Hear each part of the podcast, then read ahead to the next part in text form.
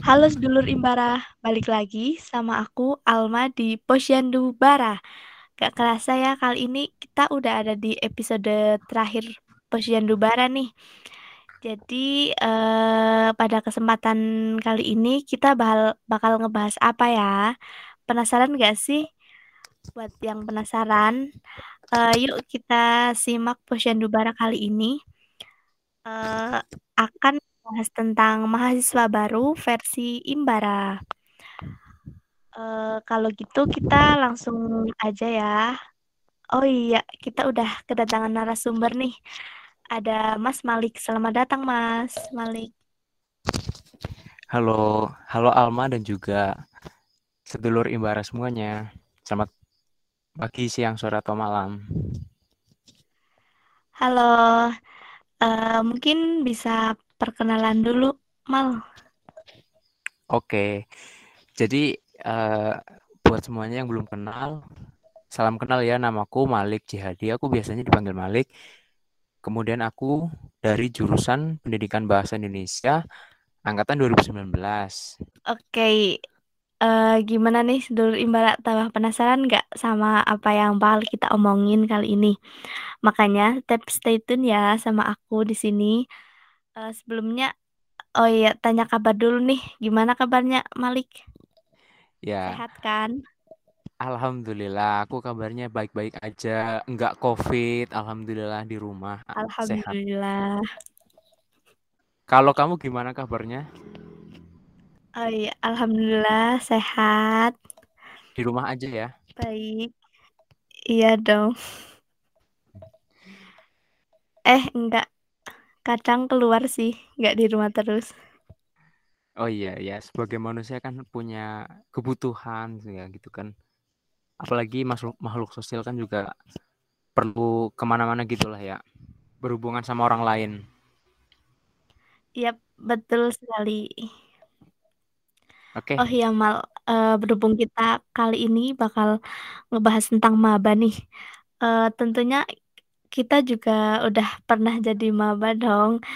Terus boleh dong kasih tahu pengalaman apa sih yang paling berkesan uh, di kamu sewaktu masih maba?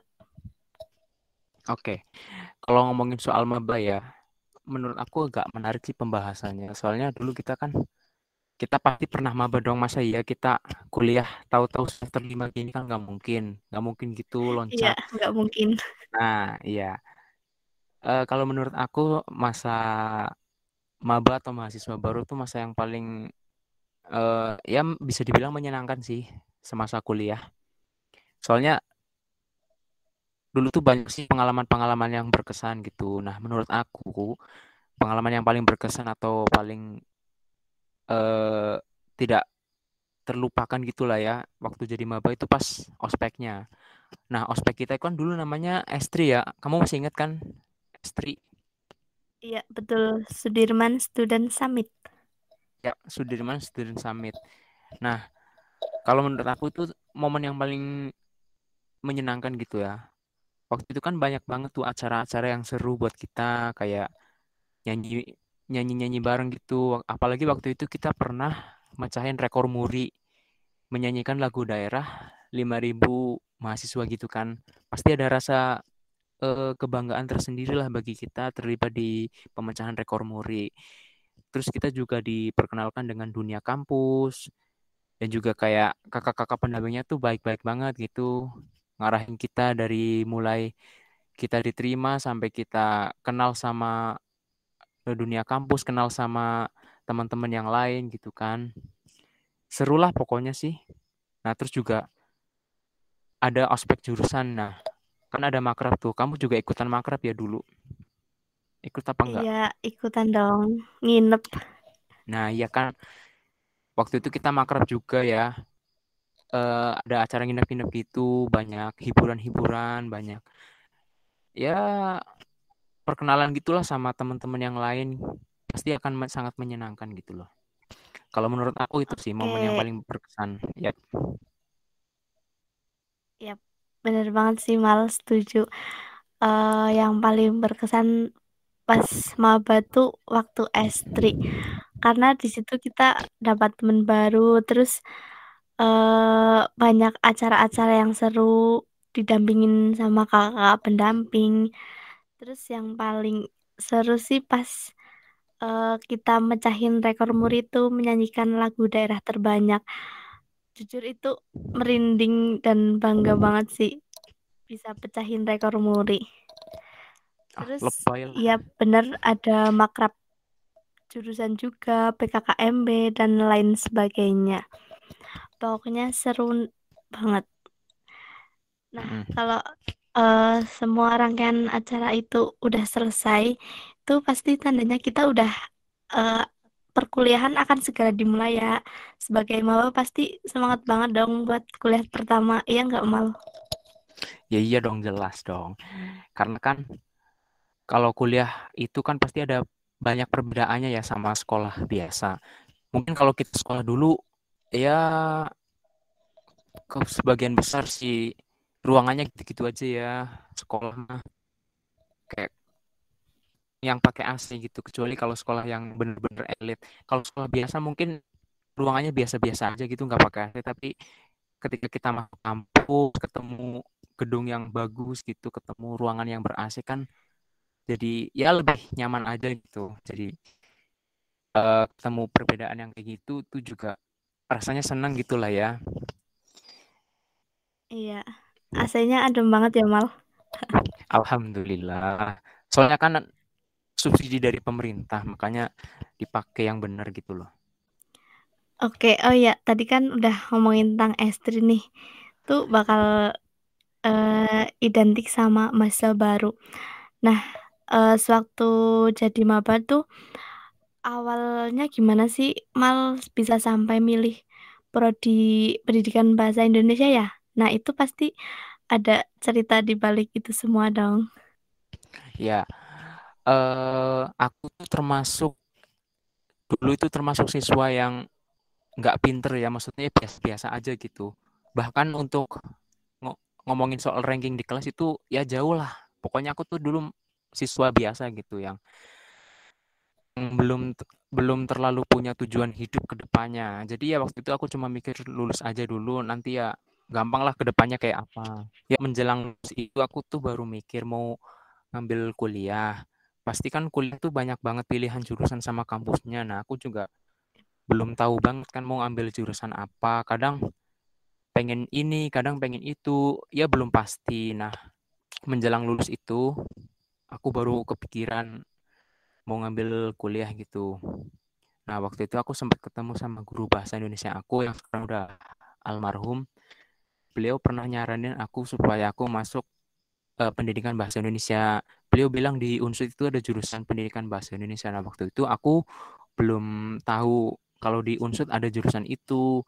Nah, singkat cerita, akhirnya ya waktu pendaftaran SBMPTN aku akhirnya milih itu gitu ya memang keinginan hati sendiri sih nggak ada paksaan dari siapa pun ya alhamdulillah aku diterimanya di jurusan itu di unsur kayak gitu oke mantap sih uh, emang dari awal udah kepengin di pendidikan bahasa Indonesia ya Mal dan uh, alhamdulillahnya sekarang juga masuk di prodi pendidikan bahasa Indonesia di Unsur. Terus oh ya sekarang udah semester berapa sih Mal? Kamu pura-pura nggak tahu ya. Kita kan udah semester lima. oh, ya, udah semester lima ya. Udah semester lima. Ya udah termasuk mahasiswa tua nggak sih? Iya ya. Kayaknya enggak, enggak, kemarin enggak. baru S3 tapi sekarang udah semester lima aja ya. iya ya ampun. Kemarin baru S3 kuliah tiba-tiba online gitu kan. Hahi doang. Tahu-tahu semester lima. Gak berasa sih. iya, kan udah semester lima nih. Pasti udah banyak mata kuliah yang dipelajari ya. Nah, itu boleh dong kasih tahu sedikit mata kuliah apa aja sih mal yang dipelajari di prodi kamu itu? Ya, kalau mata kuliah ya udah banyak sih ya sampai sekarang. Uh, jurusan aku memang bahasa Indonesia, cuman kan karena pendidikan jadi lebih banyak fokusnya ke pendidikan. Ya, sebagian uh, beberapa persennya tuh membahas tentang bahasa dan juga sastra. Kalau dulu pas masih semester 1 sih mata kuliah dasar ya kayak pengantar pendidikan, terus perkembangan peserta didik juga ada. Eh itu semester 1 apa 2 ya, aku lupa. Kalau semester 1 masih dasar semua deh, teori sastra gitu-gitu ya. Iya, Terus ya, juga benar masih pengantar-pengantar. mm, pengantar-pengantar. Kalau semester 2 tuh udah masuk kayak eh sintaksis gitu-gitu. Terus juga udah mulai membahas metodologi penelitian pendidikan. Terus nanti juga di semester berapa ya ada micro teaching itu buat eh, ngajar gitu, praktek mengajar. Oke, kalau kamu kan eh, di prodi pendidikan bahasa Indonesia tuh fokusnya lebih ke pendidikan ya, Mal. Kalau aku tuh kan di sastra Indonesia, nah itu eh, fokusnya lebih ke bahasa dan sastranya sih. Hampir mirip sama ada yang mirip-mirip sama matkul eh, di prodi kamu kayak ada linguistik juga kan, ada morfologi, sintaksis dan lain sebagainya gitu sih. Iya benar ada sekali. di aku juga kayak ada matkul metode pengajaran BIPA gitu. Oke, terkait prodi kan udah nih Mal. Pastinya kamu eh, kuliah nggak melulu cuma kuliah pulang ke kosan rebahan gitu aja kan? Pasti eh, ada ikut UKM atau organisasi nggak sih? Ya kalau masalah UKM sih aku dulu ikutnya pas maba ya. Jadi aku pernah daftar marching band, pernah ikut juga. Ada namanya Diksar atau Latsar gitu, aku agak lupa ya. Pokoknya itu pelatihan dasar. Nah, terus waktu itu menjelang eh, pen- penerimaan anggota secara resmi gitu, pelantikan, itu kan acaranya eh, makrab gitu ya. Aku nggak ikut. Akhirnya aku nggak jadi anggota dan aku mengundurkan diri. Jadi aku keluar dari situ. Aku juga sempat pernah ikut apa namanya UKM fakultas itu ada namanya Gema. Nah, Gema kan macam-macam ya, ada yang nyanyi, nari, terus juga UKM seni ya? kesenian-kesenian gitu. Iya, seni. Ada musiknya juga. Nah, aku waktu itu sempat gabung di eh musik kentongan. Kamu tahu kan? Oh ya, tahu-tahu kentongan khas Nah, Banyumas. nah itu kan khas Banyumas. Aku pernah ikut latihan juga beberapa kali, tapi ya nggak kok nggak apa ya istilahnya nggak telaten gitu, nggak konsisten. Bahkan sempat waktu itu ada acara Disnatalis Unsut yang keberapa ya? 2019. Keberapa sih Al? 50 Ya, berapa pokoknya gitu. itulah ya ke 2000 tahun se- 2019. Iya. Tahun 2019 itu ada Disnatalis Unsut. Ini Disnatalis Univ ya, bukan fakultas atau jurusan. Disnatalis Unsut. Iya ya, Kita Unif. tuh. UKM Gema tuh tampil sebenarnya eh di sana kita mau tampil musik kentongan itu. Nah, aku juga sebenarnya mau ikut, tapi pas latihan itu aku nggak nggak berangkat, jadinya aku nggak nggak jadi ikut. Dan Males setelah itu ya, ya kamu mal. iya, kayak waktu itu pengen main aja gitu hawanya. Nah, akhirnya ya setelah itu aku nggak pernah ikutan lagi dan ya keluar aja gitu. Kalau UKM itu, terus kemudian organisasi. Organisasi aku ikutnya organisasi jurusan namanya Himadiksi, Himpunan Mahasiswa Pendidikan Bahasa Indonesia. Kalau dulu tuh namanya masih Pendidikan Bahasa dan Sastra Indonesia ya. Kalau sekarang udah ganti nama prodinya jadi Pendidikan Bahasa Indonesia. Aku ikut Himadiksi Oh, se sekarang udah ganti. iya udah ganti nama. Aku ikut Himadiksi itu dua, dua periode ya dari tahun 2019 20 terus kalau yang sekarang 2021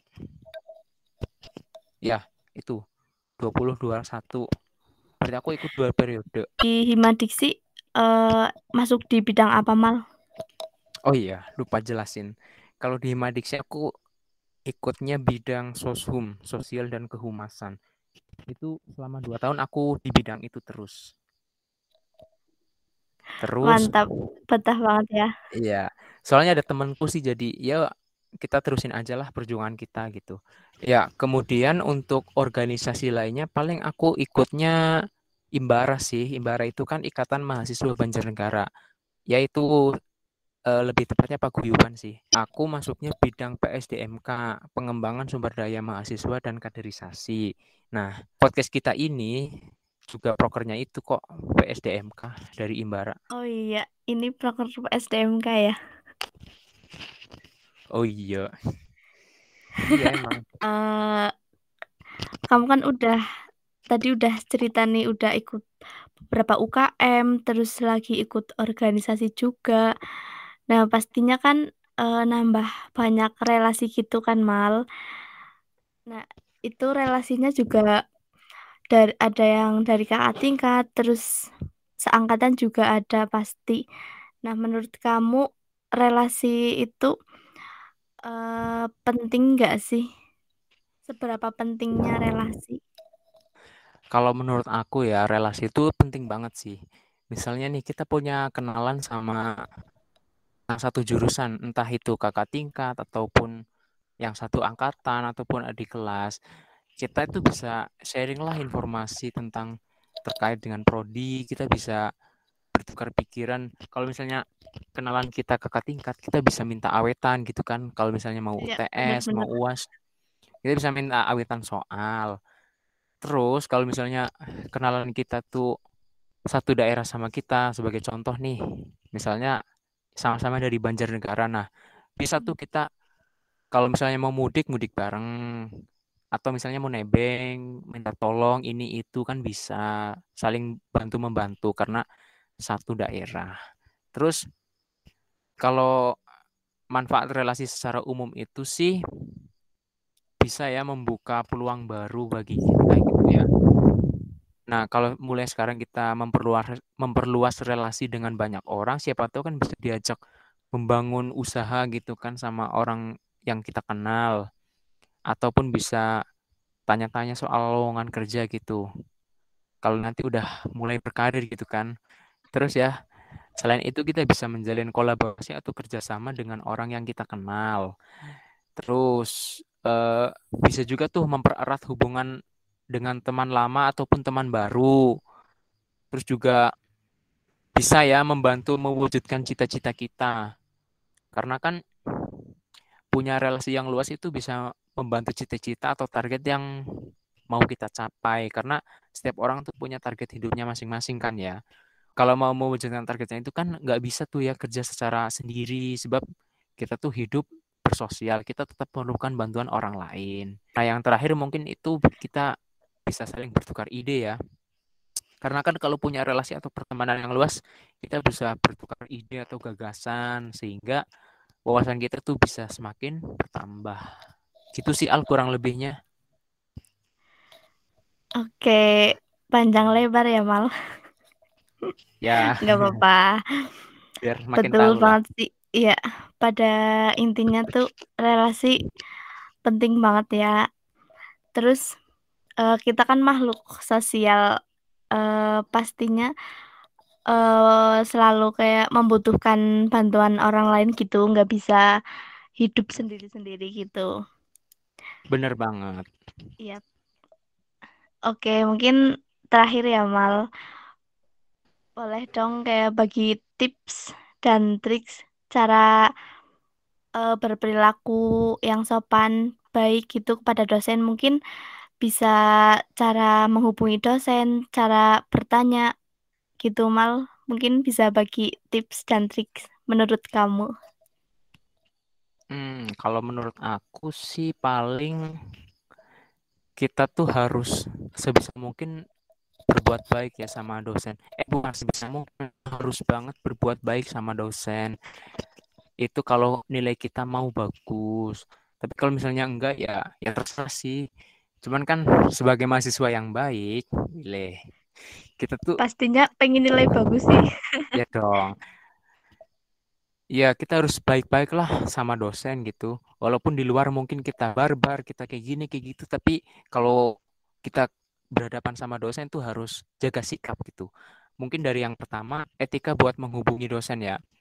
Nah, menghubungi dosen kan sekarang karena kuliahnya lagi sering-sering off online, kan biasanya kalau menghubungi kan pasti lewat chat ya. Iya, biasanya betul. kan. WA. Nah, mungkin lewat WA atau WA, lewat apa gitu kan. Kita kalau mau menghubungi dosen juga harus lihat-lihat waktu lah ya. Paling enak sih menghubungi dosen ya jam di jam kerja gitu. Jangan sampai menghubungi dosen di jam-jam yang pas waktu istirahat, apalagi kalau malam gitu kan akan sangat mengganggu gitu waktunya dosen. Dosen kan juga manusia ya, sama kayak kita, maksudnya butuh istirahat, butuh waktu sama keluarga gitu kan. Nah, kita harus Iya, iya. menghargai itu, betul. Cuma kita yang Harus mau saling dihargai, menghargai ya, Mal. betul sekali. Kita juga harus menghargai orang lain, apalagi dosen kita sendiri gitu. Jadi harus ingat waktu kalau mau menghubungi dosen. Terus eh, dari segi bahasa juga kita harus sopan ya sama dosen ya. Kita harus kan biasanya tuh eh, manggilnya apa sih Pak atau Bu gitu kan? Iya, Pak, Bu. Ya Pak, Bu gitu. Ya harus memanggil dengan yang sopan. Kemudian eh, bahasanya juga harus dijaga ya. Syukur-syukur sih kita kalau ngomong sama dosen bisa pakai bahasa Indonesia yang baku. Kalau enggak ya setidaknya yang sopan. Eh, ya tapi harus pakai bahasa baku sih ya Al. Iya, itu harus sih. Iya. Kayaknya Nggak boleh pakai bahasa alay. ya intinya itu ya pakai bahasa yang baik, terutama bahasa baku, bahasa Indonesia yang baku gitu. Mungkin kamu mau nambahin Al? Oke, eh, mungkin dari aku nambahin sedikit. Yang cara menghubungi dosen itu lewat chat WA. Yang pertama itu paling penting sih, itu salam dulu, terus jangan lupa perkenalan. Karena kan nggak mungkin ya dosen itu eh, inget sama semua mahasiswanya. Terus eh, yang selanjutnya itu pakai bahasa yang baik dan benar. Benar tadi kata Malik, bahasa yang diusahakan bahasa yang baku ya, jangan bahasa alay. Ya, kalau misalnya tentang dosen kenal atau enggaknya sama mahasiswanya itu mungkin aja bisa kenal semuanya ya. Cuman kan belum tentu kenal semua gitu. Belum tentu maksudnya belum tentu. Karena kan ada Iya, yang paling kayak beberapa mungkin dosen paham, nah, tapi kan nggak bisa semuanya dong. Kayaknya nggak mungkin deh. ya ya belum tentu lah ya. Iya, belum Mungkin tentu. dosen bisa kenal sama mahasiswa yang terapa terapa gitu, terpintar atau terrajin. Aktif. Nah, ternakal mungkin ada kali ya. Ternakal, terapa, ter terngelawan kali. Biasanya ada tuh yang suka protes-protes gitu sama dosennya ya kan. Iya, ya. Itu kayak eh, gampang diinget dosen gak sih kalau ter-ter gitu. Nah, iya itu dia. Kalau kamu jadi mahasiswa yang kayak gitu, mungkin akan diingat sama dosen. Tapi kalau kalau misalnya mahasiswa biasa-biasa aja, jarang nongol, jarang apa jawab pertanyaan, jarang ini, jarang itu ya, ya bakalan susah gitu. Dosen dosen kan juga urusannya banyak ya Al ya. Iya. Terus eh apa? Kita juga harus sabar sih. Kayak kalau ngechat dosen tuh sering apa? Dosennya balasnya lama nggak sih, Mal? Apa Iya, dosen kamu pas re- pas respon semua? enggak sih. Ada kalau dari dosenku tuh ada yang fast respon, cuman Iya, nggak ada, nggak tetap banyak ada, Al. tapi Mm, iya nggak benar-benar. banyak, Hmm. nggak banyak, cuma beberapa aja gitu.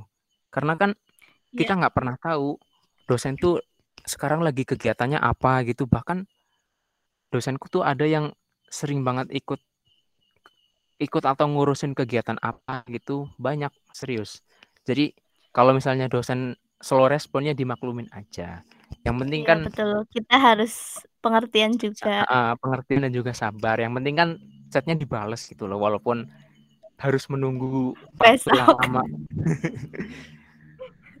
ya gitu deh. Oke, eh, mungkin terakhir dari kamu eh, ada pesan buat maba sekarang nggak mal yang udah separ sebagian udah ada yang mulai offline. Pesan apa ya? Aku aja kuliahnya biasa-biasa aja kok ya. Apa sih paling Ya, ya kata-kata semangat atau apa boleh. ya semangat ya buat buat yang kuliah, buat maba, buat angkatan 20, 19, 18 dan seterusnya. Pesan aku sih paling kuliah yang bener ya, maksudnya yang serius gitu. Walaupun kita merasa salah jurusan sekalipun atau kita merasa udah capek, tapi tetap jalani aja sampai selesai. Kita harus menghargai proses gitu loh. Semangat. Oke. Proses, menghargai proses. Yuhu. Mantap. Oke, sedulur Imbara, mungkin sampai di sini dulu Posyandu Bara uh, episode terakhir. Uh, terima kasih kepada Malik uh, atas kesediaannya menjadi narasumber pada Posyandu Bara kali ini. Uh, dan terima kasih kepada seluruh Imbara yang sudah mendengarkan uh, podcast kali ini. Uh, cukup sekian. Sampai jumpa sedulur Imbara. Bye bye. Bye bye.